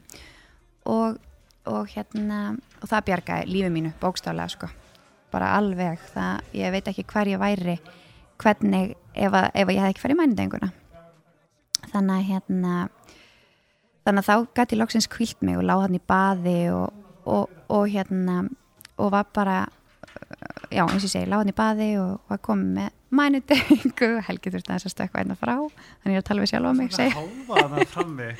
Halvviti Uh, já, eins og ég segi, þannig að hérna þú varst að tala við áhörundur okkar að meðan ég var að ríða mig það er svona, já, þú varst komin í baði segir Já, ég komin í bað og hvað dagur eru þarna? þannig lögadagur þannig lögadagur, fættur ekki festaskvöldi Nei, nei, ég elska mín, ég fætti á, ég fætti á sunnudegi, svafstu festaskvöldi Nei, ekki neitt. Nei, ekki Ég neitt, hef kannski bara- 40 mínútur. Þú veist, þarna þegar hún kom í heiminn þá var ég ekki búin að sofa í En þú veist, eins og ég segi, svo er maður alveg fljótur að gleyma Það er alveg sem betur er, eins og varst ég segi Já, hún sagði líka við mig bara fannig, þú Þú verður bara kvílast, veist, við mælum ef að, þú veist, þitt tilfelli ef að þú, veist, ef að þú ferðir ekki mænidengu þá ætti raunin enginn að fá sér mænidengu, það verður Ah. ah. orðin sem ég vek, sko þannig ég var ok, let's do it ekki það, ég hafi farið eitthvað inn í fæðinguna með það eitthvað, eitthvað ákveðið hugafar bara ég ætla ekki að þetta bara Mhm, alls ekki mhm. sko. ég bara var 100% bara herðu þetta bara all just go with the flow skilur, með. bara tekur sér 100% á stæmingunni bara ef að, ef að Og þessi þörf þá bara bara jú, þú veist, eins og ég segja bjargaði lífið mínu sko. ég, þú veist, það var ógæðislega vond að fá hana almáttur og þannig að tengja allir örglega við það sem hafa fengið hana. Mhm. en hérna en hérna afsækja, ringir móðu mín á FaceTime hérna frá Spáni. Ég var svara. Svara, nákvæmlega. Nei, hún má býða þessi elska. Um, já, svo bara eins og Hvað er Kolbrún? hvað er kolbrúnana nákvæmlega. Já, Þess að þú bara nær komin að sofa undir mænudegingunni aðeins nei, Er ég ekki, er, er ólulegt að bara, bara svæfa þig? Bara að láta það bara góð spurning sko, góð spurning mm, já, alveg pottitt, það hlýtur alveg að vera það var allavega stöðt verið að fylgjast með og ég fekk Já. alveg, svo fekk ég ofnæmi fyrir mænudegingunni og fekk hita og svo lækkaði hitin og svo fekk ég, það var allur skarinn hann á milli, þetta var ótrúlega fyndið, svo var belgurinn há- í- á miðunetti á laugardeginum og hún Mhm. kom í heiminn síðan uh, um morgunin klukkan 8 05, nánu tiltekið á sunnudagsmotni Það er samtalið 8 tímar frá því að, að hún var, hann sprengd sprengdur. yes. Og þegar hún var fegst hann í hendunar Varstu, þú veist, ógeðslega spennt eða varstu með það bara Ok, mamma þarf að sofa. Ég var bara náttúrulega algjörlega sko hérna uh, hvað segi, ég? Var náttúrulega bara böguð, þú veist. Gjörsamlega, ég vissi valla uppni niður hvað var, þú veist, ég var alveg þú veist, eins og segi, teitur þurfti svolítið eftir að útskýra fyrir mér allt ferlið í rauninni, sko, frá Mhm. bara laugadeginum og því að þú veist, það var svona margt í þóku eðlega skilur líka bara þú veist, maður fekk heitalækandi lif, maður var alltaf að fá eitthvað drugs í æð Mhm. skilur og, og allt það. Og hríðarnar svona komu svo sjúklega harkalega hann alltaf á milli og æjá, svona er þetta bara. Sumir návalleginu upp á fæðingadeild að því að barnið er svo mikið að flytja sér í heiminn sko, og bara liggur fæða í taxanum á leiðinni, Vinkonu mín fæ- fæddi í bílnum Þú veist, nákvæmlega skilur akkurat, nákvæmlega. Þú veist, og svo aðrir sem að gera þetta og Og þetta var allt þess verið því að Kolbrún er stórkastlega. og heilbreyð og góð, þannig að það er skiptur Það var eins og það er óheilbreið. Er það? Þegar þú sagðir óheilbreið Og, það já, já, er Óheilbreið. Nei, guð, sem betur fyrir ekki, Heilbreið og. Ótrúlega heilbreyð og eindisleg, algjörlega Þannig að maður er fljótur að gleyma sem betur fyrir Uh, við höfum rætt smá hluti og þetta er eitthvað sem að ég ég myndi segja að þetta sé verkefni sem ég er held ég að díla sem mest við núna er, er, við erum að, nú erum við að fara yfir í annað. Mm um, að því að bitch you good? I'm good, I'm good. Ég er að drepast hérna, tjók en hefur það er til halsmála hérna. Nei, ég er góð sko, bara hérna uh, já, eins og segi hérna fyrst, uh, ég er alltaf með verkefni mm ég er alltaf með svona andli verkefni fyrir sjálf mig þú veist, Já. ég fari í gegnum eða svona, Já, já já, ok, þú veist, þetta er ekki nú hérna, ba, ba, ba, svona, ég ætla að Mhm. taka á þessu. Hvernig get ég, hvernig get ég sigrast að þessu innan með mér, hvernig get Mhm. ég bætt mig þarna, hvernig Mhm. get ég verið betri hér? Já, já, algjörlega. Og eftir að ég kom heim mm og ég vissi alltaf að þetta væri svona -hmm. en þarna tengdu við tvö heyrðu þetta hljóða Mm hérna tengdum við bæði uh, það er þetta að vera góður -hmm. getur verið alveg gríðalegu kostur. Mm og það getur einni verið Ókostur, eða í rauninni komið neðra þér, já. Komið niður að þér. Að því að maður tekur maður vil öllum svo vel og trúir alltaf að besti fólki og, mm. og hérna og þegar, þú veist maður býst einmitt alltaf við sama mótfam, mót, þú veist, sama í rauninni hvað segir maður, bara uh, virðingu frá hinum aðilanum og þú veist og ef maður fær það svo ekki þá einmitt hugsa maður, maður fer alltaf strax í að ásaka sjálfan sig, Já, veist, er þetta, ég þetta er alltaf var þetta ég, veist, er ég, var ég að gera eitthvað sem veist, Mhm. manneskunni líka ekki Mhm. við, þú veist, uh, bara, æ, veistu, þetta getur hamla manni svo mikið og er svo Já. kollrángur hugsunarháttur en maður kemst samt ekki hjá því þegar maður er svona að, veist, þessar hugsanir komu upp, skilju, þetta er svolítið fyndið að að pæla í því að manni, góðmennska getur Já. verið manni líður basically eins og maður þurfa alltaf að vera að gera öðrum til geðs, skilju, í staðan fyrir að vera bara þú sjálfur, annarkur tekur fólk þér eða ekki, þú veist, Mhm. það er ekkit allir allra þú veist, þú getur ekki verið þú veist þú veist, þú getur ekki ætlast til þess að öllum líki 100% við þig, Mhm. þó svo að Það maður reynir það, nei, það er bara ekki En ég held bara ástæðan fyrir því, ég, ég veit ekki hvort að þú, nú, get ég ekki staðfesta, en sérstaklega það að vera góð manneskja og virkilega nýta alla svona krafti að vera góð manneskja, mm ekki hörð eða harður eða töff eða, Mhm. Já, eða já. svona cool eða whatever, akkurat, heldur að vera góð manneskja ég held að svona, Mhm. ég held að ástæðan fyrir því, bara í Mhm. kórnu það er að við viljum að fólk líki vel við okkur já, já, er algjörlega það, ertu, sammála mér? Já, ég er bara 100% sammála og þú veist, eins og við höfum talað um ég og þú, skilur að vera góð manneskja og, og, hérna, og þetta sem ég talaði um áðan, þú veist að taka það inn á sig ef að, þú veist, maður heldur alltaf að maður hafi gert eitthvað ránt, Mhm. ef að maður finnur eitthvað, þú veist, það eru bara fullt af fólki sem hugsar ekki svona Mhm. svona eins og við erum að tala um núna, Mhm. skilur sem er bara sama, veist og er bara öðru sig karakterar sína tilfinningar allt, allt öðru sig og bara tjá sig öðruvísi og þú veist ef einhver tjáir sig á einn eða annan hátt og maður tekur því eins og eins og það sé eitthvað neikvægt sem það Mhm. endilega er ekkert endilega skilur. Mhm. en þú veist að þá sé maður bara eitthvað æ, þú veist, var ég, þú veist æ, skilu þessi tilfinningar maður sé alltaf að tepla tánum í kringum aðra, já. Veistu? Algjörlega, ég man eftir það, það, það er svona eitt, það, það er svona nokkuð dæmi eitt sem að kemur hausina með núna, það er hérna kona á, ég ætla að vona að sé lagi, sé tala með hana, hún er mm Mhm. yndislega, hún er hérna og eftir að segja sér mm og ég man eftir því að mér fannst hún mér fannst hún frábær, mér fannst hún svona frekar töff og Mhm. þú veist, ég svona þú veist, Mhm. mér fannst það bara svona mér fannst það bara frekar nett já, algjörlega og ég man eftir, það var alltaf í bakhvæstum á mér að nei, ég, þú veist, hún fíla mig ekkert henni fyrst ég bara pyrrandi Já. og, akkurat, og var alltaf eitthvað svona, þú veist, og þá bara svona ég genuinely hugsaði það þanga til og þetta var svona, þetta var alveg svona aha moment hjá mér já að því að hún er bara svo sterkur karakter mm þú veist, hún er, hún er þú veist, vá, mér finnst hún, mér finnst það bara svo nett já, algjörlega, ég og skilja ég vildi mjög að ég vel. væri aðeins meira svo hún en hún er, hún er bara karakter sem að Mhm. ég tólkaði m- sko, mér til Já, já. veist, eins og eins og hérna ég hugsaði, já, æ, hún fíla mig ekki Nákvæmlega. ég veist, að ég þessi hæði hana, Já. veist, hún nennur ekki að nei, nákvæmlega, að hún er segja. örgulega bara, þú veist, alltaf mikil töffari og fílar ekki eitthvað svona litla góða helga já, eða bara eitthvað svona, eitthvað svona helga hana, bróðurna Daniel, hann Já, akkurat. þú veist, eitthvað svona hér akkurat, já, já, en svo þetta var heldur bara nokkrum mánum eftir þá hún opnaði búð og hún bauði mér að koma bara, hæ, vilt ekki kíkja mm og ég bara, shit, er hann að fara að skamma mig Já, hvað ætlum sé að fara að gera?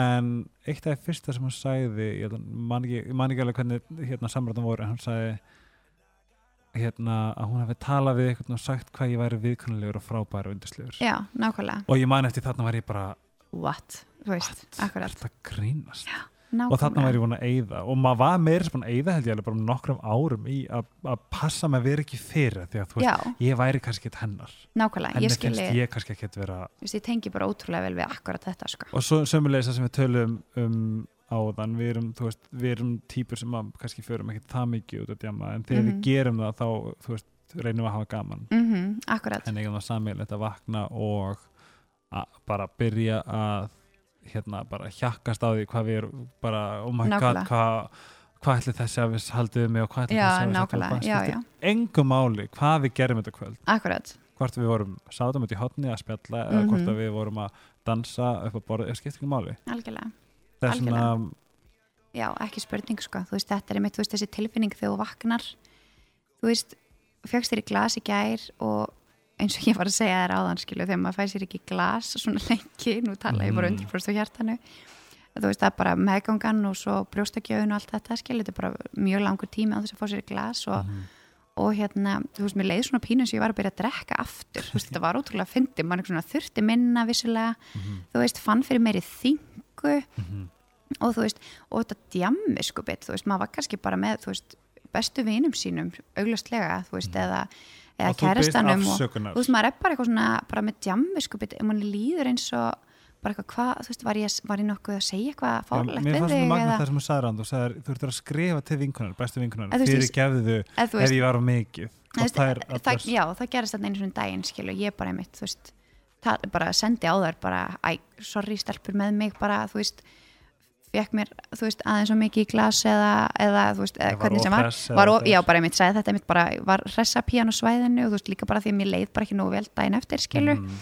þá fann ég mig núna til þess að, þú veist, fannst mér í þurfa þær voru bara, þú veist, fann ég, ert að grínast í mér, skilur, bara, viltu hætta þessu kjaftæði bara þú varst bara sjúklega skemmtileg og Já. það var bara geðveikt gaman hjá okkur. Og það var ekki út á neitt að setja Mhm. en þetta er sem tilfinningin sem maður vaknar með, skilur sem að held ég mjög margir tengja við að þetta er Mm. líka eins og við tölum um þú veist, þetta eru seifarkauksni sem að mæta. Já, já, nákvæmlega. En hver er raukinu bak við það? Já, En- og nákvæmlega, mér var svo gott að segja að það er öllum drullu sama. Algjörlega eins og við tölum um. Ég meina að það er öllum mig. drullið sama og þú veist eins og við tölum um líka skilu ef að, ef að maður er með einhverjum fólki og svo þú veist er einhver að segja sorry með mig í gæri var kannski aðeins og hress. Maður er bara hvað, what? Bara- þú veist, hvað er það að segja þú varst bara að hafa gaman Þú varst bara að hafa gaman og þú veist það er kannski annað þegar einhver verður þú ert violent eða, eða hérna að sjálfsvið, það er þú náttúrulega veist allt eitthvað annað. svona en bara þú veist ef, ef það er bara gaman og maður, maður er hress og maður þú veist, Já, ég, er með, ég með króniska munnræpi til dæmis. Já, já, Í, þú veist, nei, ég meina akkurat, þú veist, en, af hverju ætti maður alltaf að halda þú veist, af hverju, þú veist, þetta er mitt þetta þurfa alltaf að gera það til geðs, Mhm, teipla á tánum í kringum fólk. Mhm. þú veist, í staðin fyrir bara að slaka á ég menna, þú veist, ef að ef að einhverjum fannst ég hallarslega í gerkvöldi eða hvernig sem er, þá bara so be it, skilur, við vitum það einstinni hvað við erum, þú veist, að við séum góða manneskjur og, Já, og það ættu flestir að vita það, þetta það er er svolítið það who cares Who ég meina, heyrir við ekki alls konar um alla en okkur er þannig sé að drull saman það fer bara innum, þú veist, eitt er að út um heitt Já. skilur maður, þú veist ég allavega lif ekki og hærist í lífi annara bara ef ég tala 100% frá hjartanu og fyrir Mhm. sjálf á mig ég er voðalega, þú veist, já ég, þú veist, veit alveg aldrei neitt slúður um einni neitt eða hvernig sem það er og mér bara er reyla slétt sama og ég hef alltaf verið þannig og það, þú veist, er alveg þannig sko, það er bara Mhm. 100% satt og, og, og allt það og þú veist, eitthvað svona kjaftasögur og eitthvað, þú veist, ekki það að tengist þessu endilega, en ég bara segja skilu, þú veist, það- manni varðar ekkit um líf annara sem að, þú veist, og ég svo líka bara um- og líka bara þetta, sko, það, það eru tvær setningar sem að ég lifi eftir. Mm, það er Vá, veit ég, glemdi þetta. Sko, ein er frá RuPaul sem heitir If them bitches ain't paying your bills Mm. pay them bitches no mind. Já, veist, það er mjög gott. Akkurat, það er náttúrulega mjög gott. máli. En mjög hitt er, vá, ég, var, ég saði henni hérst á mér svo fór hún, heitir Já, já, já. What people think of me mm is none of my business. Nákvæmlega. Þetta er eitthvað sem ég segi við mig bara í hverskipt sem, eitthvað, sem ég eitthvað fer að eitthvað snúist í, í höstnum og svona og ég held að þetta hamli einmitt þetta hamli fólki er rosa mikið sko. og þú veist, og bara ég held Sk- þetta sé mjög mikið okkar kúltúr það er bara þannig þú veist, það er einmitt þannig, maður er alltaf og ég, þú veist, hef 100% hérna, stoppa sjálfa mig af, skilur, í þessari hugsun bara, hvað, þú veist, hvað ætli þessum hvað ætli honum finnist eða henni finnist eða skilur bara, bara fólki almennt skilur, Mhm. bara hverjum er ekki sama Mhm. og þú veist, ef þið finnst eitthvað ég menna, æ, guð mig góður ég menna, þú veist, bara þegar maður segir þetta upphátt þá hljómar þetta svo fárlega, maður sé actually að spá því það er svo gott nefnilega, við erum alltaf ég var að tala um það síðast podcasti skrifa hluti niður, segja þau Nákvæmlega. uppátt, náðu þeim út það gerir bara akkurat, wonders. Það er bara ótrúlega veist, mikilvægt að tala um það. En annars ég lagi veikinu þó það að það sem, þú veist, nú erum við búin að saman síðast tóta og mm það hjálpaði mig geðveitt hversu mikið vorum að tala um þetta hvernig, þú veist, góðmennska getur líka hamla manni og hvernig hún Mhm. getur og hvað fólk getur tekið ógeðslega ný, nýtt Nýst, já, hennar nýtt hana, já, já, nýðst á henni. Í rauninni sko. veist, mér finnst ég alltaf vera að gera og gefa mm tíu svona meira en ég fæ tilbaka. Já, já, og það er bara ógst sárt algjörlega, Skilurðu? því að maður býst alltaf við að séu allir mm maður býst alltaf við besta í fólki, það er Mhm. líka ákveðni karakter eins og við tölum um sem eru bara þannig, þú veist, maður bara sér alltaf besta í fólki -hmm. og trúir ekki öðru upp á viðkomandi en að fá einmitt bara það sama og maður hefur að gefa skilur. Líka bara maður, þegar maður hugsa um líka þannig komdu fram með aðra eins og vilt að þeir komið fram með þig Mhm. þá einhvern veginn þá einhvern veginn vill maður að, að veist og gefur sér það að það hugsi bara allir aðrir þannig en það er náttúrulega bara því miður ekki svo leis það er bara því miður þetta verður bara næsta, okkar næsta verkefni. Mm ok, næsta okkar andlega verkefni. Það er að ná balans á þetta. Akkurat, við megum alveg segja nei. Já, við að megum alveg segja herri, veist, þetta hendur mér bara það er bara 100% þannig og þú veist, það er líka óþjólandi að gefa litla putta og það er bara handin og skil ekki að ég er með mínan þá. Nei, ég, veist, nákvæmlega, það er alveg rétt. Um, það er alveg rétt. talandi um svona andlegu hliðina. Mm hvað er svona þitt kann ekki að segja þetta ílsku þannig að hjálpa mér. Spiritual guidance.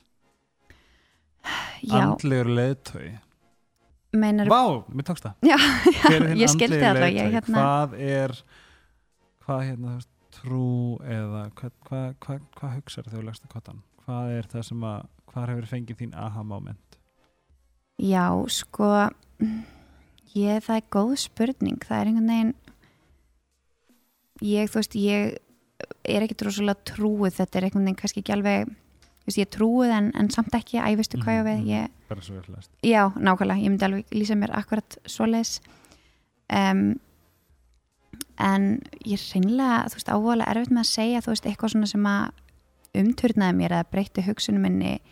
Þú veist, ég held bara allt sem maður einhvern veginn gerir í lífinu, þú veist, það sem að maður hefur upplifað, þú veist, bæði sorg og missir og, og gleði og hamingja, þú veist, það er bara náttúrulega oh, ég er hreinlega ápínu erfitt með að svara þessu, ég, þú veist, það er náttúrulega bara Gerði ég skvís kjaftstopp?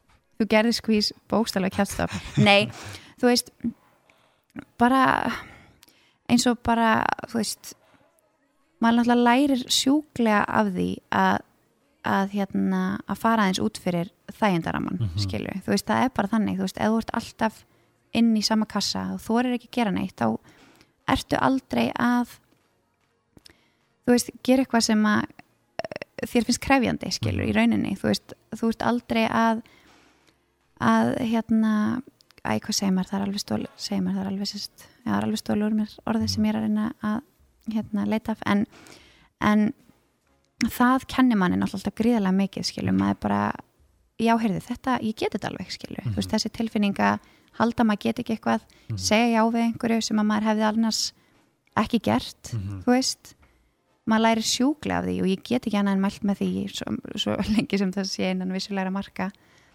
og eðlæra marka verður ekki að segja já við einhverju bulli skilur en, en þú veist það að fara út fyrir eins og segi komfortzónið og, og prófa eitthvað nýtt og gera hluti þú veist eins og bara þetta með innland og, Mhm. og allt þetta þú veist þetta er allt hluti sem að setja sjúkla í manni og Mhm. Fá mann til að hugsa skilur í daglegu lífi og fá mann til að veist, muna eftir þessu þegar eitthvað veist í einhverjum, ákveðnum aðstæðum. Um, eins og bara þú veist, svo náttúrulega bara eignast batni mitt þú veist, klárlega. Að gerði mann að allt öðrum karakter. Um, já, þú veist, ég hef bara einhvern veginn alltaf haft að leiðaljósi að vera jákvæð vissulega texta náttúrulega ekkert alltaf en Mhm. En einmitt líka eins og segir ég voðalega, ég, þú veist, er voðalega geðgóð og, og hérna með jafnækið og, og hérna og til sjálfum mig klárlega að vera góða mannesku og er, þú veist, oftast góð við allt og alla. Og það sem að ég fengi kannski hvað oftast að heyra frá fólki sem að ég er að kynnast er bara, váfanni hvað þú ert næs. Ég vissi ekki að þú væri svona, þú veist, ég hafði ekki trúað því. þú veist, ég trúði því bara ekki að þú væri svona næs. Já, og ég er alveg bara svona takk, held ég. Já, veistu, þú veist, algjörlega. mér finnst þetta ekkert jafn mikið rós og það eins og viðkomandi er að meina reyna að segja sko, Mhm. vegna þess að þú veist af hverju helst ég væri ekki næs? Ég held að sé bara þetta samfélagsmiðlum og, og Já, já. status og ég veit eitthvað þú veist, ég veit það þú veist, Fólk algjörlega, heldur alltaf að ég sé algjör spits já, þú veist, akkurat. Og þú veist, það er einmitt svona, ég fæ þetta viðmót fólk þarf alveg að hugsa pínu út í með þetta, þú veist, bara vá hvað þú ert næs, ég bara hafði ekki ímyndað mér bara já, býtu, býtu af hverju ekki, Já, einmitt. ég reyndar ef ég hugsa, þú veist, ég er aldrei ekkert eitthvað svona ég allavega hef ekki fundið sjálf mig í þeim aðstæðum að vera búin að ákveða að einhver sé algjör tussa eða þú veist, æ, ljótt að segja þetta kannski en þú veist, Nei, æ, veistu held ég hef ekki fundið mig í þeirri aðstæð að finnast einhver sem ég er ekki eins og búin að hitta skilur Nei, ég er samanlega, ég þekki finnst þetta ég- já. Það er ótrúlega að finna bara en þá þegar ertu allavega búin að kynnast Þegar þeim maður lendir á þannig fólki þá Já. er ég offaður fyrir allan maður en peninginn. ég, þú veist, einmitt, ég er ótrúlega fljóta að lesa karakter Mhm. og bara, þú veist, vill bara hafa gott Já, sko. vill bara hafa Shit. gott fólk í kringum mig að sjálfsögðu og bara eins og flestir myndu vilja Hvað hefur um, ég segi það stundum við fólki í kringum mig að mér finnst mamma mín og pappi vera relationship goals Oh, æ, þau eru náttúrulega bara, ég hef alltaf verið er æ, þau eru bara ótrúlega ástfangin Mhm. og eru bara ég segi það ofta teit, þú veist, að því þessi kynsla í dag, þú veist, eins og bara ég og teitur erum og allir í kringum okkur þú veist, maður eðir ógeðslega miklum tíma í símanum og þessu Mhm. bölli, skilur við Mhm. Þú veist, svo kem ég kannski heim og sitt, og þessi í garðabæn til með pappa og þá er þau bara að setja inn í stofu og spjalla Mhm. kannski búin að spjalla í fjóra tíma. Fá sér eitt kvítinsglas eða hvernig sem er. Veist, og þau eru bara veist, þau gerir þetta hverju kvöldi, Þetta er nákvæmlega saman með mínu pappa veist, ég hugsa bara hversu mikið getið talað? Um Mhm. hver, þú veist, hversu mikið hafið um að tala? Og þetta er svo dásamlegt og þau eru bara alltaf eitthvað að gera saman. Veist, ekki það við teitur gerum endalust saman og bara dásamlegt. En ég er að segja, þú veist, þau ert orðin þú veist, fullorðin, saman í 120 ár 50 skilurðu. pluss skilu og bara, þú veist, það er bara dásamlegt og, og bara, og í rauninni bara meira áttar að þau hafið þetta ennþá skilu þau eru bara ótrúlega sko, ástfangin. ég hef spurt mömmu líka og það sem að hérna alveg hósta mig í kafinu hérna hún sagði mér einhvern mann sem að satt svolítið í mér sem að ég fattaði loksins ég svona uh, þú veist, það er þetta hún, þú veist, í lok dagsins mm þá þú veist, þá tala þau saman. Já, Skilurðu? nákvæmlega. Mm þau, þau eiga held ég ekkert ósagt. Nei, nei. Og ég held að þú ætlar að eiga lífinu með mannesku mm þá er þetta mjög góð regla. Algjörlega, að já, hafa ekkert ósagt. Nákvæmlega. Það er mjög og punktur. pabba. Algjörlega, eða frá gott ást mömmu og pappa. ást, nákvæmlega, nei alverni þú veist, þetta er ótrúlega góð kostur ég minna, það er svo auðvelt að detti síman og liggja í honum í heilt kvöld skilur, Mhm. og svo bara allt í hennu kvöldi búið og bara herri já, góða nótt, Já, eða þú veist maður hefur alveg lendið því og þú veist, það er bara óþálandi eftir að hugja, þá er maður bara fimm að sem í fulla að sofa, bara á kvöldi fór bara ekki í neitt einmitt. en þú veist þess að ég segja, þetta er bara mér finnst það bara ótrúlega flott að vera svona og bara vera, þú veist, hafa svona gaman að hvort öðru og vera svona áhuga samur um hvað mækiðin hefur að segja Í- og þú veist, bara taka þátt og, og bara vera saman og spjalla, skilur, þú veist, það er bara það, að það sé skemmtun út af fyrir sig bara kvöldstund sem að bara gerist kvöld eftir kvöld eftir kvöld eftir kvöld og það er bara í Draumakvöld. tilefni þess að þú ert að segja þetta mm þá ætla ég að kóta við okkar Begg Ólafs já, en hann var með lífsráð. Já, það er ótrúlega flott. Slöktu alltaf hjá á hann símanum. Hvort það sé klokkan nýju eða tíu eða átta do it. Eða sett hann á silent, sett hann upp í hillu sett hann í skuffu Já. klukkan hringir og ég var að skrifa skrifa til hans á Instagram mm. -hmm. mm og klukkan var tíu. Já, og hérna, eða ný, nei, nei, nei, nei, ekki maður þetta núna. Vorum spjalla, vorum eitthvað að kasta á milli, ég maður Já. hvað var. Og svo allir hættir hann að svara hérna já, þú meinar. Hættir hann að svara, ég eitthvað já, ok, þú veist Mhm. ekkert að nýta á morgun þetta er, svara hann daginn eftir bara klukkan, þú veist, sjö morgun. Fyrir ekki, herri, hérna laði síma frá mér bara? Já, ég laði síma, ég hérna laði síma frá klukkan tíu. Sorry, ég mest það bara sjúklega og ég var bara svona geðveikt.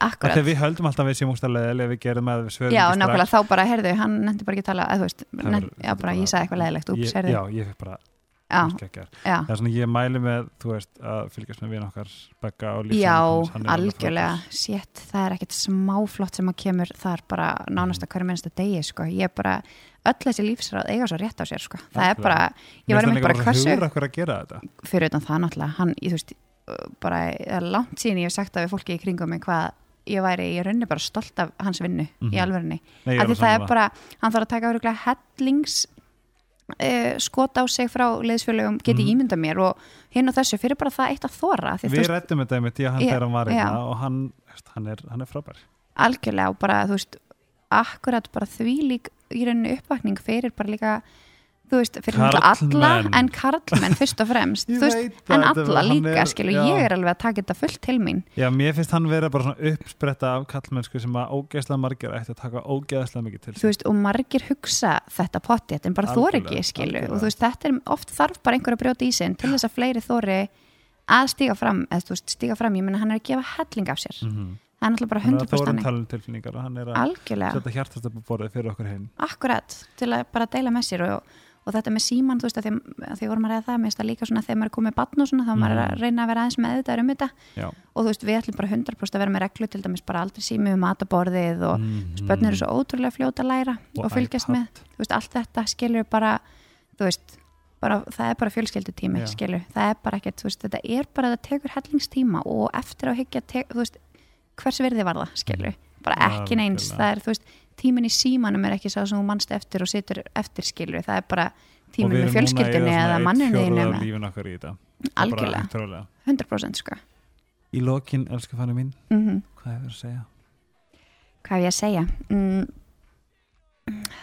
bara Setja squeeze on the spot? Setja skvísan spott nei, æ, þú veist, mér langaði bara eins að koma inn á hérna eins og við rættum um daginn varðandi hérna, þetta Ungfrú Ísland dóta því við rættum það áðan og með Mhm.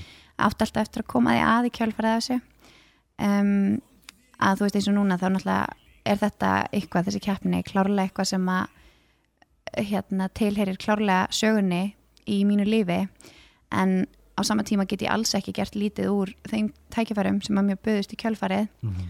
og sem að gerðu mig að þeirri manneski sem ég er í dag Mhm. ég veit ekkert hversu mikið öðruvísi lífið væri en ég held samt að það væri, væri ekki alveg nákvæmlega eins og ég er bara búin að fá fullt af tækifærum sem að, sem að hérna, mér bauðst að gera í kjölfærið eins og ég segi Indland og, og margt fleira sem að, sem að hérna, ég tók að mér og svo fekk ég það tækifæri að að vera framkvæmdastjóri í Ungur Ísland þegar það voru nýjar eigendur, hann 2015 Mhm. þar sem að ég fekk það í hlutverk í hendurnar að breyta 100% áherslum bæta og bæta all, algjörlega og bara gætt komið inn þú veist öllu þessu sem að mér þótti vanta í undirbúningin hérna heima fyrir þessar keppnir úti. Mhm. að því að þetta þú veist snerist rosa mikið um góðgerastörf og það var það sem ég vildi svolítið ymbra á hérna heima að það, maður þarf ekki endilega að fljúa yfir halvan hnöttin til þess að sinna góðgerastarfi eða gefa af sér eða sjálfbóðastarfi eða hvernig sem er. Þú veist, það er ímislegt vöndun hérna heima og við vorum að gera ímislegt fyrir kvennaðatkvarfið og barnaspítala ringsins og, og margt, margt fleira og hérna sem að slá heldur betur í gegn. Og, og eins og ég segi, það voru, þú veist, mér langaði að koma inn til Carnegie námskeiðum gegn já og hérna og, sem og sagt, það þessu- fór í gegn. það fór í gegn og fóru bara algjörlega og bara hefur verið síðan. Og hérna, og, og, hérna fundur með fjölmela sem að var svona að í rauninni segja hversu harður sá bransi getur verið og það er alveg erfitt að vera lítil mús að stiga sín fyrstu skref og þú veist, allt, er, allt í einu orðin þekkt andlit og nafn á Íslandi og, og hérna og, og þú veist, að því að fjölmjölar geta náttúrulega bara ráðið svolítið á mann, skilu, þeir eru alltaf að leita af slæma, því slæma til þess að fá sem flestu klikkin, skilu, og þeir hugsa ekkit um þinn hag í því, skilu, það er bara hvað, þú veist, þeir algjörlega geta svifist einskis við bara Mhm. og farið algjörlega, þú veist hérna, alla sína leiðir til að, til að finna einhvern skít á þig, skilur Mhm. og það eru bara ekki allir sem höndla það og maður þarf að vera undir það búin og það var einmitt það sem að mér fannst líka eh, mikilvægt að koma að í þessum undirbúningi og bara allt þetta og var eitthvað sem að bara mér fannst ótrúlega gott og gaman að fá tækifæri til að breyta og gera undirbúningin meira uppbyggjandi fyrir í rauninni þáttækandur og allir voru ekkert smá ánæður og fekk góðar undirtektir og þetta eru alltaf einhverjar leðlarattir en það fylgir bara lífinu, skilju. Maður getur held ég aldrei losna við þær og maður þarf bara einmitt að læra leiða hjá sér. Algjörlega. Það er bara svolítið svoleiðis og hérna og eins og ég segi, þetta er bara eitthvað sem maður gerði mig að þeirri manneski sem ég er í dag og maður á aldrei að sjá eftir neinu sem maður hefur gert, veist, maður ég hef líka alveg óvart verið sjálf bara já, hérna, einhver segir við mig bara já, varst ekki ungur í Ísland? Og maður er svona, jú, hm, þú veist, emmi, það er samt svo langt síðan, Já, já, æ, veistu, maður svona gerir Gerir lítið úr því og ég ger það alveg, skilur, það er alveg þannig, þú veist, en svo hugsa ég eftir að bara af hverju, þú veist, þetta er langt síðan og heyrir klárlega sögunni til og eitthvað sem að ég er ekkit eitthvað í dag, já, hægir fann, heiti fann yngvarsdóttir og var ungur í Ísland, þú veist, svo sannlega ekki, en þetta er klárlega eitthvað sem að var vendipunktur, ákveðin vendipunktur í mínu lífi sem að gerði mér rosamart og ímislegt sem að gerði mig að þeirri manneski sem ég er í dag og bara gaf mér gullin tækifæri sem að, sem að hafa kent mér ótrúlega margt. Og bara gaman að fá að miðla þeirri reynslu áfram eins og með þú veist þegar ég fekk að sinna þarna þessu starfi sem fremgóttstjóri og, og hérna og bara hjálpa öðrum eins og ég segja upp, hífa sjálfa sig og, og bara verða besta útgáfn af sjálf sér í rauninni. Og þið tók svo sannlega að gera mjög jákvæðar og gefandi breytingar í þessu ungfrú Ísland. Já, ég er algjörlega Vel mjög stolt af því, ekki spurning og þú mjög- mátur að stoltar og ég er stoltur að líka. Æ, ég takk fyrir það, það er gott. Ég, þetta voru yndisli orð að enda þennan Helga Spjalls þátt. Já, ég ætla að vona það. Og ég er svo gladur á að komast og þú ert svo góð og ég er. 100% að þú ert með bló, rauð blóðkorn blá blóðkorn og svo gull Ó, um, er ekki slæmt. Þið finnið Fanny Ingvars á trennet.is skástrík Fanny Ingvars. Á samt Instagram.com ein, Instagram aðganginum. Instagram aðganginum, Ingvars. Já, Er það Snapchat? ég, ég- já, æ, nei, samt ekki. Ég er ekki veist, ég er með Snapchat en það er, er bara svona fjölskyldugrúpur og vinkonugrúpur eiginlega þar, sko. Uh, Instagram Fanny Ingvars, Yes. Já, algjörlega. Anga til næst, takk fyrir komuna. Þú ert æðisleg. Takk sem er leiðis, elsku besti. Takk fyrir að fá mig, bara og bara same to you. En mín var ánægjan og við kveðjum með einu stóru. Bye. Bye, takk fyrir mig. Takk fyrir að hafa mig. Þú ert að hlusta á helgaspjallið á 8 FM